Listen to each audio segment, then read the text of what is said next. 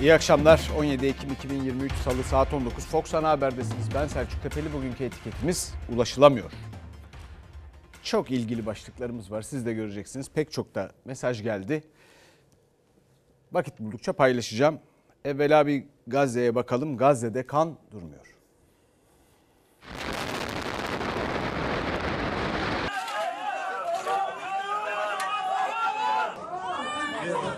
İsrail'in Gazze saldırıları katliama dönüştü. Filistin her bir saatte 3 çocuğun öldüğünü açıkladı. Güvenlik Konseyi'ndeki Gazze'ye insani ateşkes girişimi Amerika vetosuna takıldı.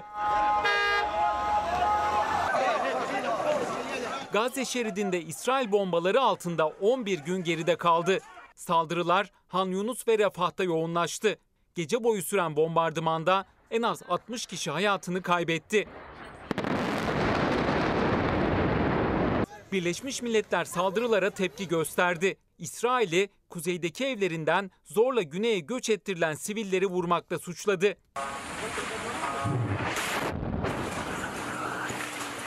İsrail'in saldırılarında can kaybı 2900'ü geçti. 10 binden fazla kişi de yaralandı. Filistinli yetkililere göre saldırılarda her bir saatte 3 çocuk hayatını kaybediyor. Her 5 dakikada ise bir yetişkin can veriyor. Çatışmalarda İsrail tarafında ise en az 1400 kişi hayatını kaybetti. Hükümet 196'sının yabancı olduğunu açıkladı. İsrail saldırılarda hayatını kaybeden Türk vatandaşlarının sayısının 3'e yükseldiğini duyurdu. Kimlik bilgisi paylaşılmadı. İsrail'in Gazze sınırına askeri yığınağı sürerken ordu sözcüsünden yeni aşama kara operasyonu olmayabilir çıkışı geldi. İsrail medyasına göre gecikmenin sebebi Hizbullah. İsrail birliklerin Gazze'ye girişi sonrası Hizbullah'ın saldırı başlatmasından endişeli. Başbakan Netanyahu olası harekat öncesi İran ve Hizbullah'ı uyardı. İrademizi sınamayın, bedeli çok daha ağır olur dedi. Tel Aviv'i bir nebze olsun rahatlatacak haber Amerika'dan geldi. Pentagon, İsrail'e 2000 asker gönderme hazırlıklarına başladı. Gözler Amerika Başkanı Biden'ın İsrail'e yarın yapacağı ziyarette. Sadece Gazze değil, Lübnan sınırı da gergin. Hizbullah ve İsrail güçleri arasında giderek şiddetlenen çatışmalar yaşanıyor. Hizbullah, İsrail'in topçu ateşine tank savar füzeleriyle karşılık veriyor. Lübnan Ulusal Hava Yolları, çatışmaların savaşa dönüşme ihtimalinin artması sonrası 5 yolcu uçağını güvenlik nedeniyle Türkiye'ye gönderdi. İnsanlık krizinin 11. gününde Gazze'de durum daha da kötüleşti. Morglarda yer kalmadı. Cesetler dondurma kamyonlarında tutuluyor. Kimliği belirlenemeyenler toplu mezarlara defnediliyor. Gazze şeridinde temiz su da tükendi. Yüz binlerce kişi kirli kuyu suları kullanmaya başladı. Salgın hastalık tehdidi büyürken Birleşmiş Milletler uçurumun eşiğindeyiz dedi. İnsani ateşkes girişimlerinden de henüz sonuç çıkmadı. Bu yönde bir adımı Rusya Birleşmiş Milletler'de attı. Moskova, insani ateşkes çağrısı yapan ve her türlü sivil ölümü kınayan karar tasarısı sundu. Amerika, İngiltere, Fransa ve Japonya birebir Hamas'tan bahsedilmediği gerekçesiyle tasarıyı reddetti. Dünyada İsrail'e yönelik tepkiler de dinmiyor. Amerika'da yaşayan bir grup Yahudi ateşkes gösterisi düzenledi. Gazze'deki insani krize dikkat çekmek isteyen grup soykırımı durdurun sloganları attı. Beyaz Saray önüne giden grup içindeki bazı göstericiler trafiği kapatmak istedi.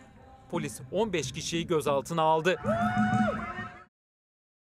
Efendim bir izleyicimiz bize eleştirmiş. Hamas'ın yaptıklarını hiç görmüyor musunuz diye sormuş. Efendim illaki görüyoruz. Elbette görüyoruz. Fakat söz konusu çocuklarsa orada şu kadar çocuk öldü burada da ölmesi normaldir filan diye bir bakış açısı doğrusu ne dile getirilebilecek ne de akla gelebilecek bir şeydir. Dolayısıyla şimdiki mesele acil durum budur. Gazze'de çocukların ölmesidir ki kaç dakikada bir tane çocuğun öldüğünü zaten biraz önce izlediniz. Bunlar can, insan. Öte yandan Hamas'la ilgili zaten ilk günlerde de nasıl Filistin Kurtuluş Örgütü ile arasına mesafe koyduğunu, nasıl bir ölçüde Gazze'de yaşayan insanları bir çeşit ucuz iş gücü, insan gücü gibi kullanan bir teşkilat olduğunu anlatmaya da çalıştık. Bütün kaçak malzemelerden, mallardan, bütün bu ambargo nedeniyle, abluka nedeniyle insanların ihtiyaç duyduğu her şeyden nasıl şu ya da bu şekilde para kazandığını da anlattık. Bu anlatmaya da devam edeceğiz. Yani şimdi bütün bu detaylara giremiyoruz. El Fetih'le arasındaki rekabet neden daha sert bir e, çizgi e, üzerinde yürüdüğü, İsrail'in de neden ılımlı Filistinlilerle hiç görüşmediği, bıraktığı sürekli Hamas'la e, böyle bir çatışma halinde olduğu falan. Bunlar uzun konular sığması çok zor. Ama bakın mesela şimdi Hamas e, ilk kez rehine de gösterdi. E, Dolayısıyla sivil rehine alıp kendini bir şekilde garantiye garantide tutma çabası içinde olan bir teşkilat, bir örgüt Hamas. Rehine pazarlığı.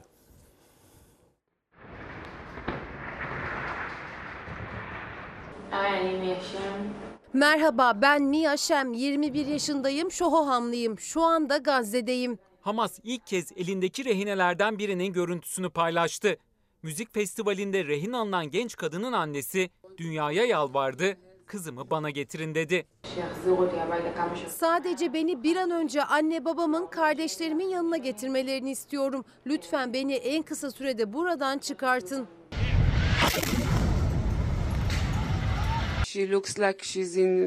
Düne kadar hayatta mı yoksa ölüm olduğunu bilmiyordum. Çok korkmuş ve çok acı çekiyor gibi görünüyor. İsrail-Hamas çatışmaları sürerken örgütün elindeki rehinelerin akıbeti de merak konusu. Hamas güçlerinin 7 Ekim'deki şok saldırısında hedef aldığı yerlerden biri müzik festivaliydi. 200'den fazla kişinin öldüğü saldırı sonrası Hamas çok sayıda kişiyi rehin alıp Gazze'ye götürdü. O rehinelerden biri de 21 yaşındaki Fransız vatandaşı İsrailli Miha Şihem'di. Hamas saldırıda yaralanan Şehem'in tedavisinin yapıldığı görüntüleri yayınladı. İsrail ve Fransız vatandaşı olan genç kadın nasıl kaçırıldığını ve sağlık durumunu anlattı. Konuşurken arkada bomba sesleri duyuluyordu. Cumartesi sabahı erkenden Siderot'tan döndüm bir partideydim. Elimden ağır yaralandım. Gazze'deki hastanede 3 saat boyunca elimden ameliyat oldum. Benimle ilgileniyorlar, ilaç veriyorlar. Her şey yolunda. Hamas'ın görüntüyü ne zaman kaydettiği ve rehinenin akıbeti bilinmiyor. Yayınlanan görüntüyle kızlarının yaşadığını öğrenen aile basın toplantısı düzenledi. Acılı anne kızının kurtarılması için dünyaya yardım çağrısı yaptı.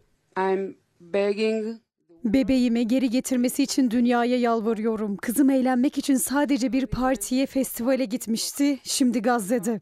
Yayınlanan ilk rehine görüntüsü sonrası İsrail bunun psikolojik harp örneği olduğunu açıkladı. Yakında daha çok benzer görüntüler çıkacağını belirtti. Hamas'ın askeri kanadı İzzettin El Kassam Tugayları ellerindeki rehine sayısının 200 ile 250 arasında olduğunu öne sürdü. Rehinelerden 22'sinin İsrail bombardımanlarında öldüğünü duyurdu. İsrail ise Hamas'ın elindeki rehine sayısını 199 olarak açıklamıştı. Efendim Ankara'da konuyla yakından ilgileniyor biliyorsunuz. Şimdi bir garantörlük teklifi dile getirildi.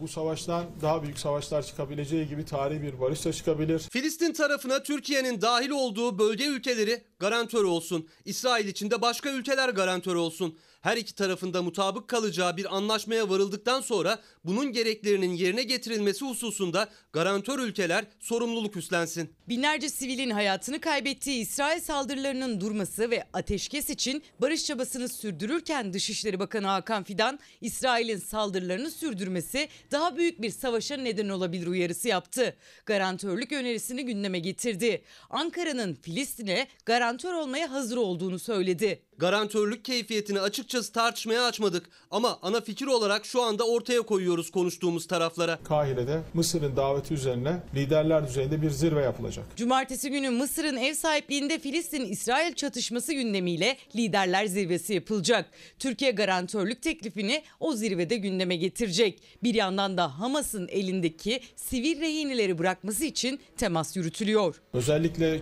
yabancıların, sivillerin ve çocukların bırakılması konusundaki e, çabalarımız devam etmekte. Hamas siyasi kanadıyla bu konuları e, görüşmeye başladık. İnsanlığın gözü önünde toplu katliam yapılmaktadır. Biz Filistin halkına yönelik insanlık dışı ablukanın kaldırılmasını istiyoruz. Biz akan kanların durdurulmasını istiyoruz. Birisinin toprağını işgal ediyorsunuz. İşgal etmekle kalmayıp evine el koyuyorsunuz, yıkıyorsunuz, dışarı atıyorsunuz. Sonra bir başkasını getirip oraya koyuyorsunuz.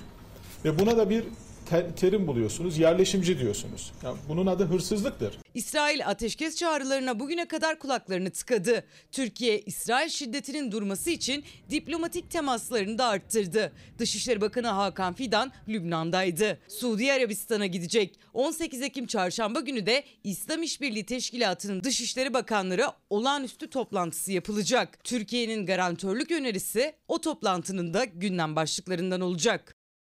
Efendim konuyla alakalı değil ama Dışişleri Bakanı konuşurken aklıma geldi. İşte Türkiye'de, Türkiye'de bu inşaat politikaları, tarım alanlarının işgali bakın tam da öyle yürüyor işte. Gazze ile ilgili anlatıldığı gibi yürüyor işte. Dinlediniz herhalde değil mi? Aynen öyle yürüyor. O yüzden tarım bitiyor. Efendim şimdi biliyorsunuz bir tartışma başladı. 500 bin Filistinlinin Türkiye'ye sığınacağı iddiası ortaya atıldı. Sonra yalanlandı. İletişim Başkanlığı tarafından. Ha bu arada Mısır kabul etmiyor. Dünyada bu tartışmada devam ediyor. Mısır'a geçsinler diye bir müzakere var. Mısır olmaz dedi. Trump Amerika'nın Amerika Birleşik Devletleri'nin eski başkanı bir vaatte bulunmuş. Bugün e, diyor ki merak etmeyin buraya Filistinli getirmeyeceğiz. Dolayısıyla gündemde.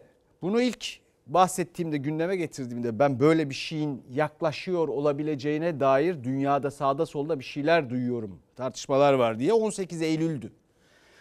Hamas'ın saldırısı 7 Ekim'de oldu. 18 Eylül'dü. Ondan önce de yayın dönemi başladığında söyledim. Ondan önce de söylemek mümkündü. Bundan bahsetmek mümkündü. Hazır mıyız böyle şeylere? Efendim Türkiye'nin böyle sığınmacılara kucak açması büyük bir jest ve iyilik olarak lanse ediliyor hükümet tarafından. Ülke içindeki tedbirsiz yaptıkları için, kontrolsüz yaptıkları için bütün dengeler bozuluyor. Zaten sadece sığınmacılar değil, bir de kontrolsüz yasa dışı göç başka ülkelerden. Bunlara da kapı açılıyor. Şimdi önünü almaya çalışıyorlar filan. Bütün bunları da bir miktar sürekli bahsini açtıkları, söyledikleri için dile getiriyorum dış kaynak, dış finansman ekonomiye bulmak için sözde bir argüman olarak kullanıyorlar. O zaman dedim ki 7 Ekim şeyde 18 Eylül'de. Bakın bu yanlış bir mesaj veriyor. Bu yanlış bir mesaj veriyor. O mesaj da böyle algılanıyor. Bu İsrail'i cesaretlendirebilir veya başka ülkeleri de. Türkiye zaten kabul ediyor filan diye düşünebilirler. Şimdi dolayısıyla bu tartışmalar boşuna çıkmıyor. Bundan bir finansman bu yanlış bir finansman argümanı olarak dile getirilemez. Diplomaside olamaz böyle bir şey. Olamaz yani. Neden para yok çünkü o kaynağı aradığınız kaynağa ulaşılamıyor çünkü. Öyle bir mesele var. Bir de bu garantörlük filan hikayeleri bence Türkiye biraz fazla acele ediyor bu konularda. Kendini bu kadar hemen ortaya koymamasında bana kalırsa ben kimim ayrı mesele de. Yani naçizane bence fayda var. Çünkü bu yolların nereye çıkacağını bilmiyoruz. Durun bakalım bu tartışmalar nereye gidecek. Efendim şimdi geçelim. Ee, bir de e, tezkerede bir tezkere var. Tezkerede yabancı asker tartışması sürüyor. Biz kendi ülkemizde bu mübarek topraklarda yabancı asker postalı istemiyoruz. Kendi topraklarına yabancı askerleri davet edip bazı müdahalelerde bulunmalarına izin vermek vatana ihanettir. Bak Sayın Kılıçdaroğlu, Türkiye'ye gayri meşru yabancı postalların ayak basması diye bir şey yoktur. Şayet olursa verilecek sadece bir canımız vardır. Vatana, millete bin defa feda olsun. Gayrimeşru yabancı postalların yani meşru yabancı postallar gelebilir. Ben meşru yabancı postal da istemiyorum kardeşim.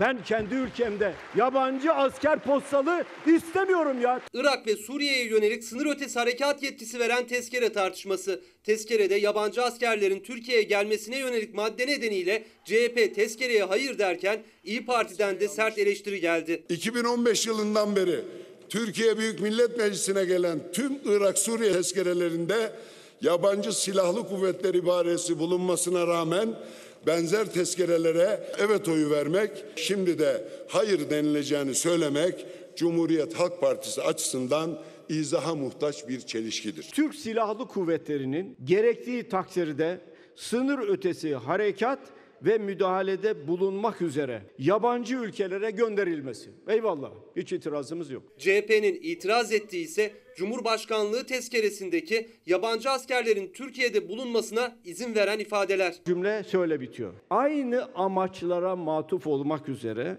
yabancı silahlı kuvvetlerin Türkiye'de bulunması. Yabancı askerler Türkiye'de neye müdahale edecekler ya? Terörle mücadele ise terörle mücadele konusunda kahraman ordumuz var, polislerimiz var, uzman çavuşlarımız var. Tezkere görüşmesi öncesi CHP Genel Merkezi'ne asılan pankart, tezkerede yer alan yabancı askerlerin Türkiye'de bulunmasını içeren maddeye karşı Türkiye'de yabancı asker postolu istemiyoruz diyerek tepki gösterdi CHP. Yabancı asker buraya geldiğinde Kemal Kılıçdaroğlu olarak yabancı askerlerin önünde bütün CHP'ler olarak duracağız ve onları kovacağız. Dün evet denilen Irak Suriye tezkeresine bugün yapay gerekçelerle hayır oyu vermek Türk Silahlı Kuvvetleri'nin şu anda kontrol ettiği binlerce kilometre karelik alanı yeniden terör örgütlerinin inisiyatiflerine terk etmek anlamına gelir ki bu son derece tehlikelidir. DAEŞ'le mücadelede tamamen bizim izin ve kontrolümüzde. Gelen giden yok. Kime karşı mücadele ediyorsunuz? Kime karşı göğsünüzü siper ediyorsunuz? İşgal falan yok. Burayı pazar yerine çevirdiniz. Hulusi Akar, yabancı asker maddesi DAEŞ'la mücadele için dedi. CHP'nin yabancı asker ifadesi metinden çıkartılsın talebi kabul görmedi. Efendim şimdi tezkere filan bir kenara da aradığınız fikirlere de ulaşılamıyor. Türk siyaset sahnesinde. Ne iktidar tarafında ne mecliste ne de muhalefette. Tartışılan şeyler. Bakın bir ülkenin bir tavır koyuyoruz. Çevremizde dünyada adaletsizlik olmasın, insanlı çocuklar ölmesin ya da işte neyse argümanları. Sözünüzün geçmesi için önce bu sözü söyleyenlerin kendi ülkelerinde Türkiye Cumhuriyeti vatandaşlarına saygı mı biçimde davranmaları lazım. Bu ülkenin içindeki insanlar mutlu, güvenli bir hayat sürmeli ki dışarıdan bakıldığında sizin sözünüzün kıymetli olduğu, bir gücü olduğu anlaşılsın. Sadece kürsüden konuşmakla olacak iş değildir bu. Ülkenize bakarlar aslan yattığı yerden belli olur.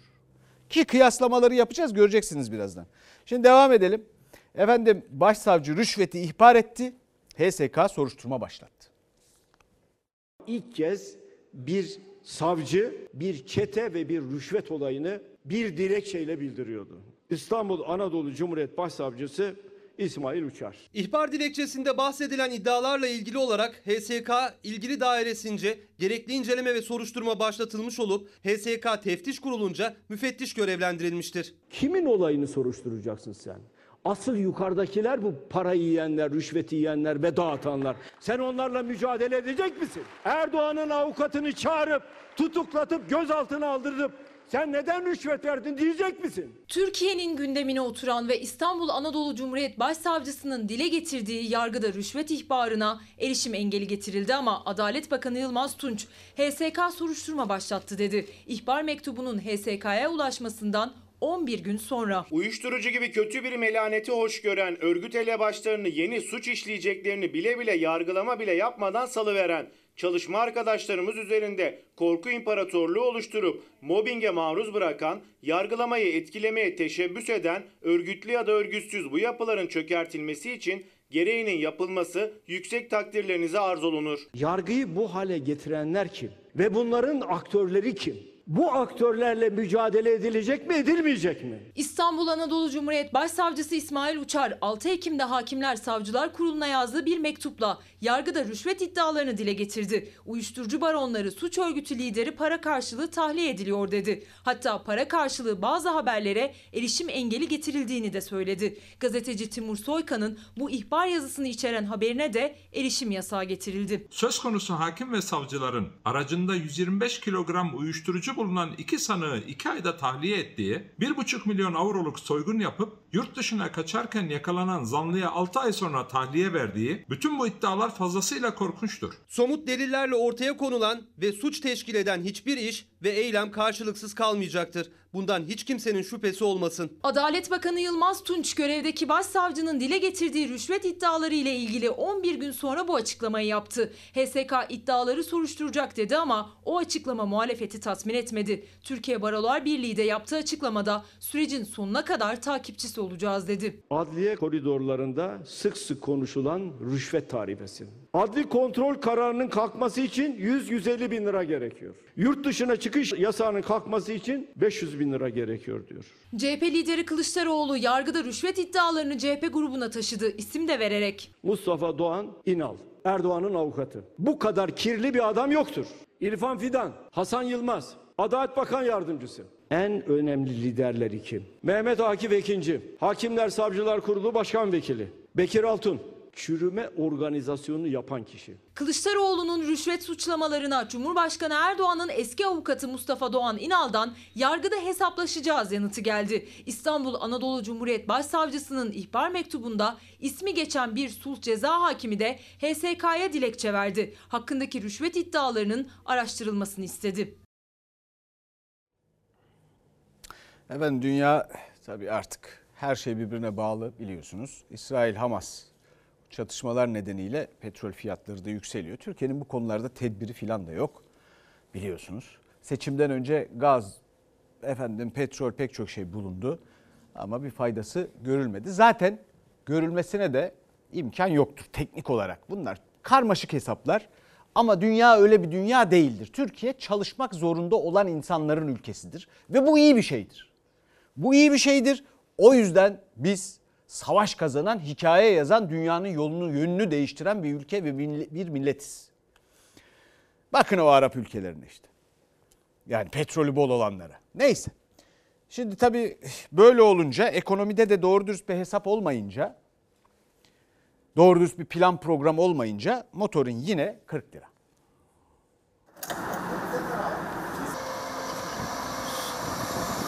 Herkes çok zorlanıyor. Düzelmesi de mümkün değil. Borç gırtlağa kadar halk borçlu, devlet borçlu. Mazota zam geldiği zaman mecburen her şeye zam yapıyoruz, nakliye zam yapıyoruz. Bu da meyveye yansır, sebzeye yansır, her şeye yansıyor. İğneden ipliğe tüm fiyatların belirleyicisi. Motorine 2 lira 23 kuruş zam geldi. İstanbul'da litre fiyatı 39 lira 62 kuruşa yükseldi. Ankara, İzmir, Antalya, Adana hemen hemen her ilde yeniden 40 liraya çıktı. Bu tarladaki ürünün daha pahalıya yola çıkması yolda da zamlanması demek. Bütün milletimize geçmiş olsun. Mazot zammı her şeyi etkiliyor abi. Bizi de etkiliyor. Bütün esnafı da etkiliyor. Motorine gelen 2 lira 23 kuruşluk zammın ardından litre fiyatı 39 lira 62 kuruşa yükseldi. Bu 50 litrelik bir depoda 111 lira 50 kuruş fark demek. Fulleyemiyoruz artık depoları yani. Bayağı zorlanıyoruz. Vallahi daha nereye gideceğini bilmiyoruz. Takip edemiyorum artık. Yakıta dayanılacak gibi değil. Orta Doğu'da savaş petrol fiyatlarını yükseltti. Brent petrol çatışmalardan önce 85 doların altındaydı. 90 doların üstüne çıktı. Motorine gelen zamsa sürücüleri etkilemekle kalmıyor. Tüm ürünlere zam olarak geri dönüyor. Türkiye'nin dört bir yanından tırlar dolusu yaş sebze meyve geliyor İstanbul'a. Motorine gelen her zam o tırların masrafını arttırıyor. O masraf da ürüne yani çarşı pazardaki tezgaha yansıyor. Konya'dan ne getirdiniz? Konya'dan e, lahana, havuç, kereviz. Ne Kaç litre mazot yaktı? E, 250 litre mazot yaktı. Mazota zam gelince bu ürün aynı kalmıyor. Biz dün yediğimiz fiyat havuç yiyemeyecek miyiz? Yok. Konya'dan İstanbul'a yakılan 250 litre mazot bir gün önce 9350 liraya denk geliyordu. Zamla birlikte yakıt masrafı 9900 liraya çıktı nakliyecinin. Üstelik fiyat arttıkça vergi de yükseliyor. Her litre motorinden 13 lira 65 kuruş devletin kasasına gidiyor. Eski günleri mumla arayacağız artık. Biz ne söylesek boş. Sandıkta görüşeceğiz artık. Evet bir kıymetli izleyicimiz haklarımıza ulaşamıyoruz demiş. Şimdi bakın hakkınız daha doğru dürüst bir hayattır. Net. Hatta mal varlığı gelir olarak bugünkünden 3-4 kat daha fazlasıdır ve su içinde bu potansiyele, bu imkana bu ülke sahiptir. Tek gereken doğru dürüst yönetilmesidir. Tek gereken. Ve patron sizsiniz. Çünkü bütün finansmanını ve emeğini siz sağlıyorsunuz. Savaşta siz koruyorsunuz. Bu memleketin evlatları. Siyasetçinin elini cebine attığı yok. Askere falan da gittikleri yok zaten. Şimdi bakın belki doğru dürüst bir planla belki 20 yıl sürer. Ekonomiyi ve ülkenin yaşam koşullarını özgürlük içinde veya düzeltmek. Ama samimi, dürüst, disiplinli, bencil olmayan, küçük siyasi hesaplardan uzak, koltuk sevdasından kurtulmuş bir çalışmayla bunu da paylaşırsanız daha 20 yıl bile sürse böyle bir plan, planlama daha ilk günden anlatıldıktan sonraki ilk günden daha mutlu oluruz. Sonrasında böyle devam eden, böyle çalışılmaya devam eden her bir gün mutluluğumuz artar. Ama bunun için yönetici lazım ve gerçek bir memleket sevgisi lazım. Efendim var mı böyle bir şey? Bakalım indirim dediler. Bununla ilgili var diyen mesaj atan kıymetli izleyicilerimiz de var. Onlara da cevabım var. Aradığınız indirime ulaşılamıyor. Nerede indirim?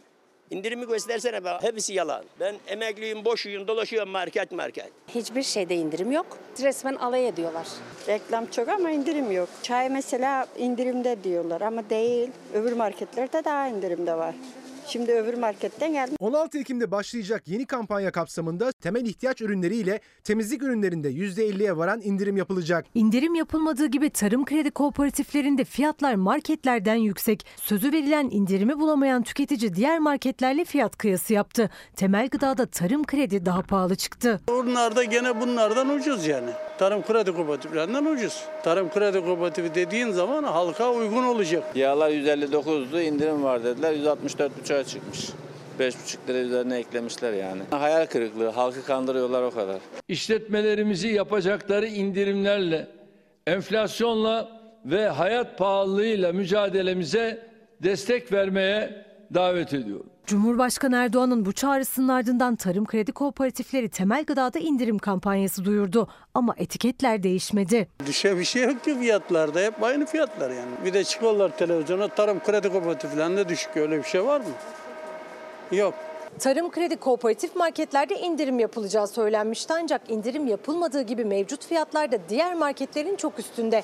Temel gıda ürünü olan çay, un, kırmızı mercimek, makarna ve salça da zincir marketlerde daha uygun fiyata satılıyor. İşte 5 temel gıda ürününün fiyatları. Çay Tarım Kredi Marketi'nde 93 lira 90 kuruş, zincir markette neredeyse 20 lira daha ucuz. Unda fiyat farkı ise 10 liranın üstünde. Tarım kredide satılan en ucuz temel gıda ürünlerinden biri makarna 14 lira 50 kuruş, markette 9 lira. Sadece 5 ürün tarım kredi marketinde 240 lira tutuyor, markette 191 lira. Fark 49 lira. 135 liraya yağ var diğer zincir marketlerde.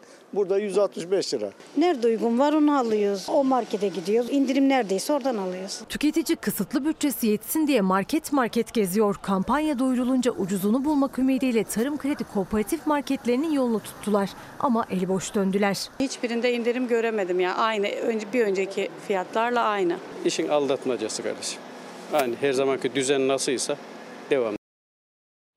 Fox Haber Merkezi'nde kıymetli arkadaşlarım özellikle indirim olan şeyleri de dün de bugün de koydular. Fakat ben benim itirazım var daha da ötesi. Ne indirim varmış. Böyle ekonomi olur mu ya? Sizin vergilerinizle finanse edecekler, sübvanse destekleyecekler. Kendi açtıkları markette daha ucuza bir şeyler satacaklar zararına. E, esnafın karşısına hükümetin devlet imkanlarıyla dükkan açması demek bu. Ya yapacakları şey bu değil. Yapacakları şey fiyat istikrarı sağlamak, öngörülebilir, yarını görebilir olması insanların istihdam yaratmak, alım gücünü arttırmak. Yapmaları gereken şey bu fırsat eşitliği, adalet, güvenlik, eğitim falan. Bakkal açmak değil ya devletin imkanlarını kullanan hükümetin işi. Ne indirim? Sürdürülebilir bir şey değil bu. Efendim devam edelim. Emeklilik yaşını yükseltme hazırlığı.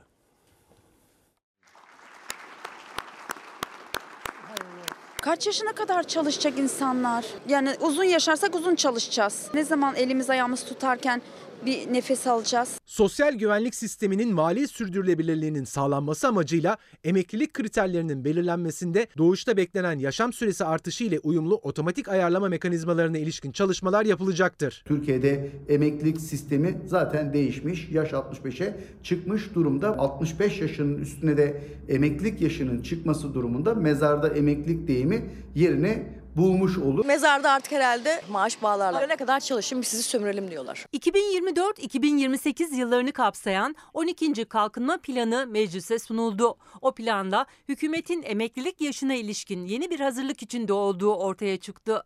Amaç sosyal güvenlik sisteminin mali sürdürülebilirliğinin sağlanması plana göre. Beklenen yaşam süresi artışına göre emeklilik yaşının da artırılması gündemde. Mezarda emeklilik gibi bir şey derler tabiri caizse. EYT de olmadı.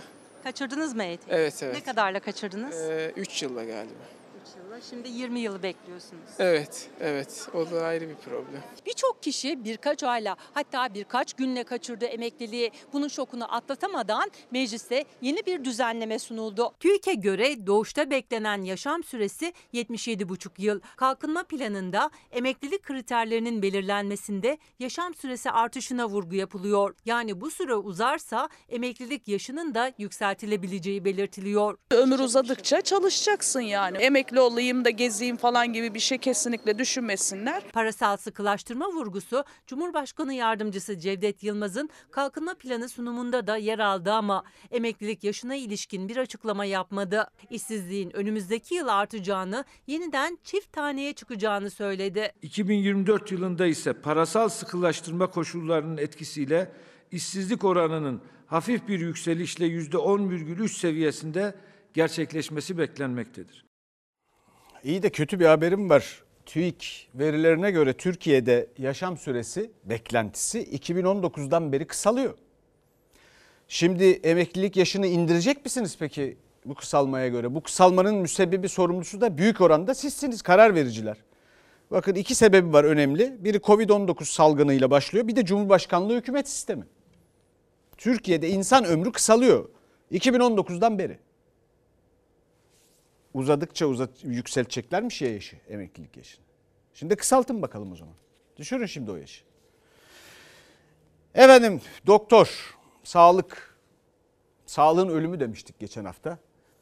Şimdi tabii doktorlarımız, tecrübeli doktorlarımız giderlerse gitsinler deyince başka e, hastanelere falan geç. Başlarının çaresine bakmaya çalıştıkları için şimdi yetiş doktor deniyor.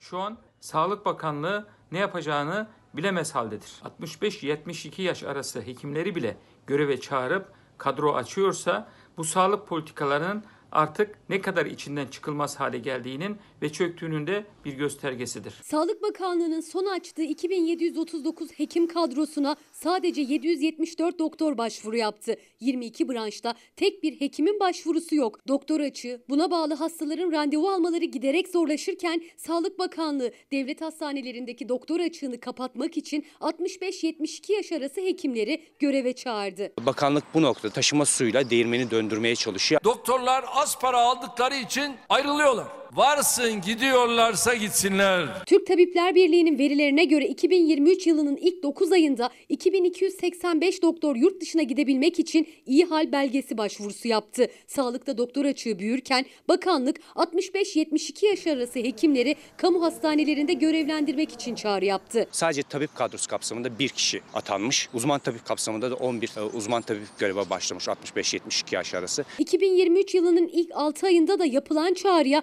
65-72 yaş arası sadece 12 doktor başvurdu. Yeni çağrıya kaç hekimin talepte bulunacağı ise bilinmiyor ama kamu hastanelerinde doktor açığı binlerce diyen sağlıkçılar tepkili. Bakanlığın 65-72 yaş arası hekimlere yaptığı çağrı çözüm değil çaresizlik diyorlar. Giderlerse gitsinler diyenler Şimdi kamuda çalışacak doktor bulamıyor. Geçen yıl Temmuz ayında beyaz reformdan sonra açtıkları 20 bine yakın kadroya sadece 7 bine yakın hekim başvurdu. Sağlık Emekçileri Sendikası İş Yeri Hekimi Kubilay Yalçınkaya da Türk Tabipler Birliği de hekimler yaşları kaç olursa olsun maaşları, sağlıkta şiddet, çalışma süreleri ve liyakatsiz atamalar nedeniyle kamuda çalışmak istemiyor diyor. Bu da randevu çilesinin artması demek. Vatandaşlar bu sorunlar çözülmediği sürece kendilerini muayene edecek hekim, kendilerine ameliyat edecek cerrah bulamayacaklardır. Peki bakalım bir de Dilan Polat soruşturması ne olmuş? Bunlarla ne yapacağız mesela? Dilan Polat'ı tanıyan şu an bunların neye, neye yarayacağını bilir. Kara para aklamak ne demek dedim. Yani bu, böyle karşı karşıya kaldım. Bu ne demek dedim. Lüks içindeki paylaşımlarıyla sosyal medyada gündem olan Dilan Polat ve eşi Engin Polat'a 4 ayrı suçtan soruşturma başlatıldı. Kara para aklamakla suç örgütü kurmakla suçlanıyorlar ama henüz gözaltı yok. 21 şirketin incelendiği açıklanmıştı. Polat çifti tek şirketlerine tedbir konulduğunu savundu. Tek bir tane şirkete tedbir konuldu. Bir tane. Beyefendi. Diğerlerinde evet, yok. bir tane şirket. Yok beyefendi ticaretimize devam ediyoruz. Tek bir sıkıntı var. Engin'in bana ses ve nefes alması lazım. Çünkü niye biliyor musun? Nefesim tıkanıyor burada. Benim genç bir kızım var. Çok etkilenmeye başladı. Hiçbir şeyin önemi yoksa benim çocuğumun önemi olsun. Gazeteci Murat Arel'e konuştu Polat çifti. Suçlamaları reddettiler. Zaten sosyal medyadan ürün satışı da dahil tüm paylaşımlarına devam ediyor Dilan Polat. Soruşturmalara ilişkin yeni bir açıklamaysa yok. Oysa suçlamalar çok ciddi. Çiftle birlikte 13 şüpheli hakkında suç örgütü kurmak, üye olmak, kara para aklamak ve vergi kanuna muhalefetten başlatıldı inceleme. You enerji. Su çok güzel gelsene. Hem de enerji.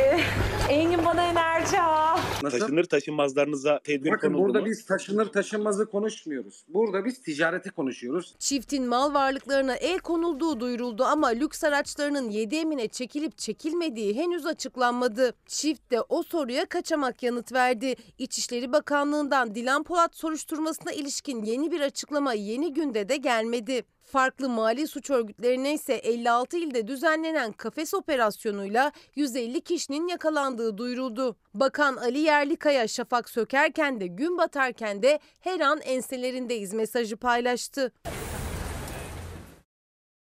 Memlekete bak.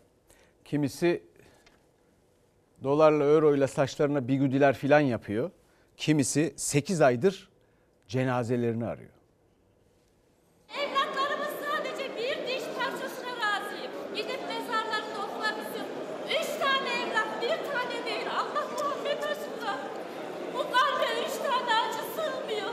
8 aydır gözyaşları hiç dinmiyor. Sözleri boğazına düğümlenerek sesini duyurmaya çalışıyor Suna Öztürk. Hatay'da Rönesans rezidansın enkazında kaybolan kızı ve iki torunu için bu kez CHP grup toplantısındaydı. Bugüne kadar bulunamayan kayıpların fotoğrafıyla. Kızım Tuğba Koşar. Torunum Mehmet Akif Koşar. Adını Mustafa Kemal koydu babası. Vatana millete hayırlı olsun dedi. 250 daireden oluşan cennetten bir köşe sloganıyla satılan 12 katlı Rönesans rezidansta yüzlerce kişi hayatını kaybetti. Depremden sonra bir bloğunda yangın çıkan rezidansta günler sürdü enkaz kaldırma çalışması. Depremin üzerinden 8 ay geçti. Enkaz tamamen kaldırıldı ama 51 kişinin bedenine hala ulaşılamadı. 51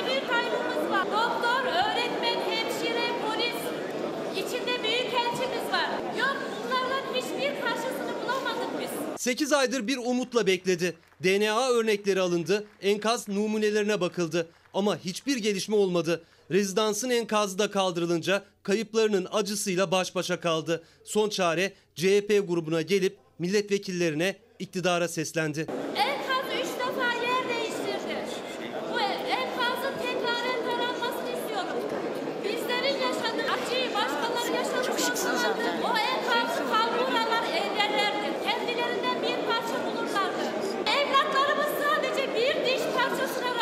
Sözleri yürekleri parçaladı. Suna Öztürk, rezidansın taşınan enkazı bir kez daha taransın, evlatlarının bir mezar olsun istiyor.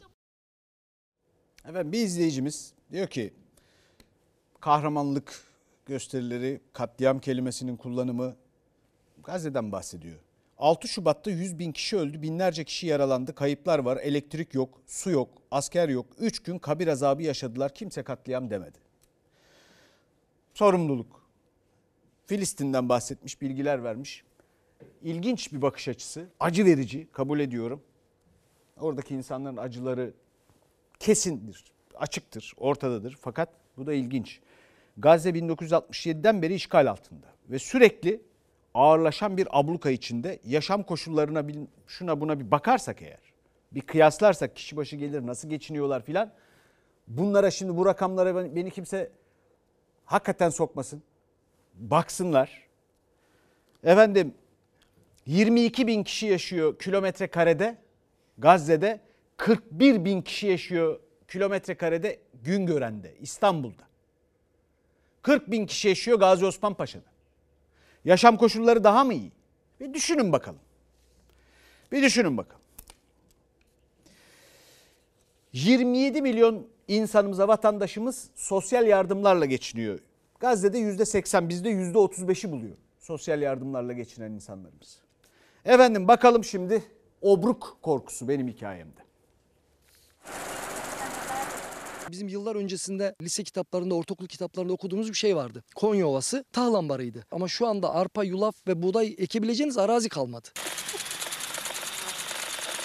Vallahi bizim buranın çoğunluğu tanelik mısır derler. İkinciye de şeker pancarı gelir ağırlıkla.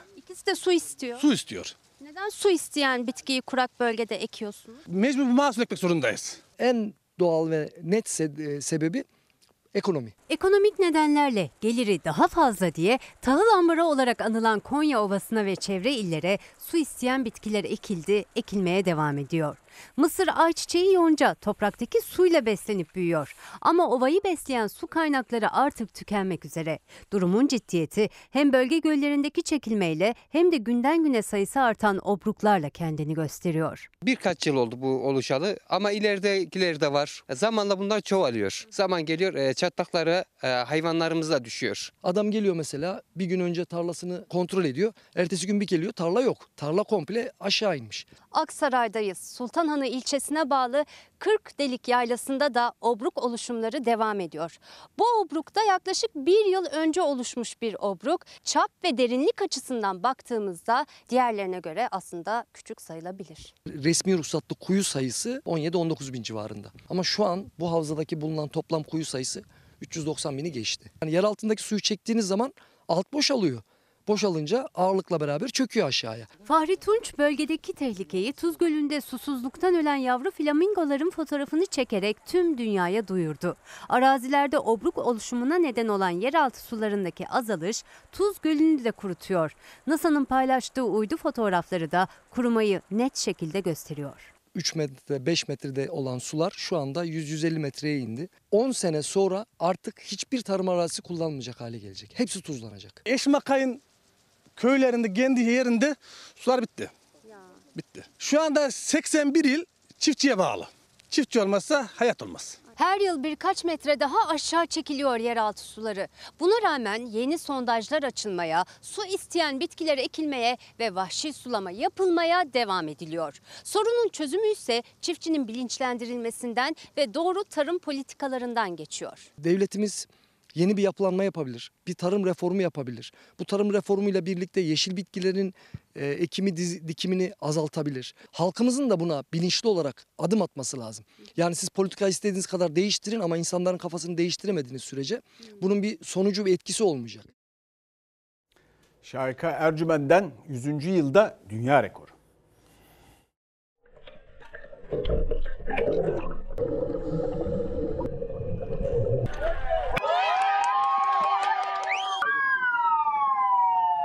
Cumhuriyetimizin 100. yılında böyle bir dünya rekoruna imza atmak ayrı bir gurur benim için. Hatay'a nefes ol sloganıyla çıktı yola. Sadece o değil, izleyen herkes nefesini tuttu o anlarda. Hatay Yaylada açıklarında 3 dakika 2 saniye süren dalışıyla 106 metreye inerek dünya rekoru kırdı milli sporcu Şahika Ercümen. Cumhuriyet'in 100. yılına armağan etti. Türkiye'ye büyük gurur yaşattı.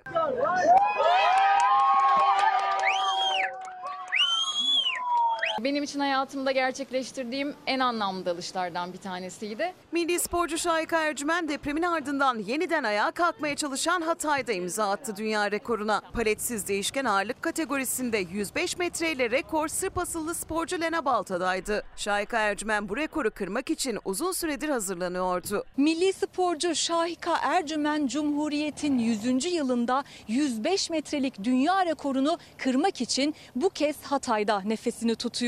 Hedef 106 metreye tek nefeste inebilmek. Artık dünya rekoru için saniyeler kaldı.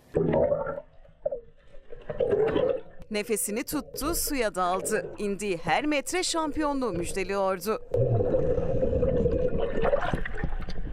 Su üstüne çıktı. Hakemlerin kararı için beklendi bu kez. Sonra rekorun kırıldığı anons edildi. Siren sesleri alkış seslerine karıştı.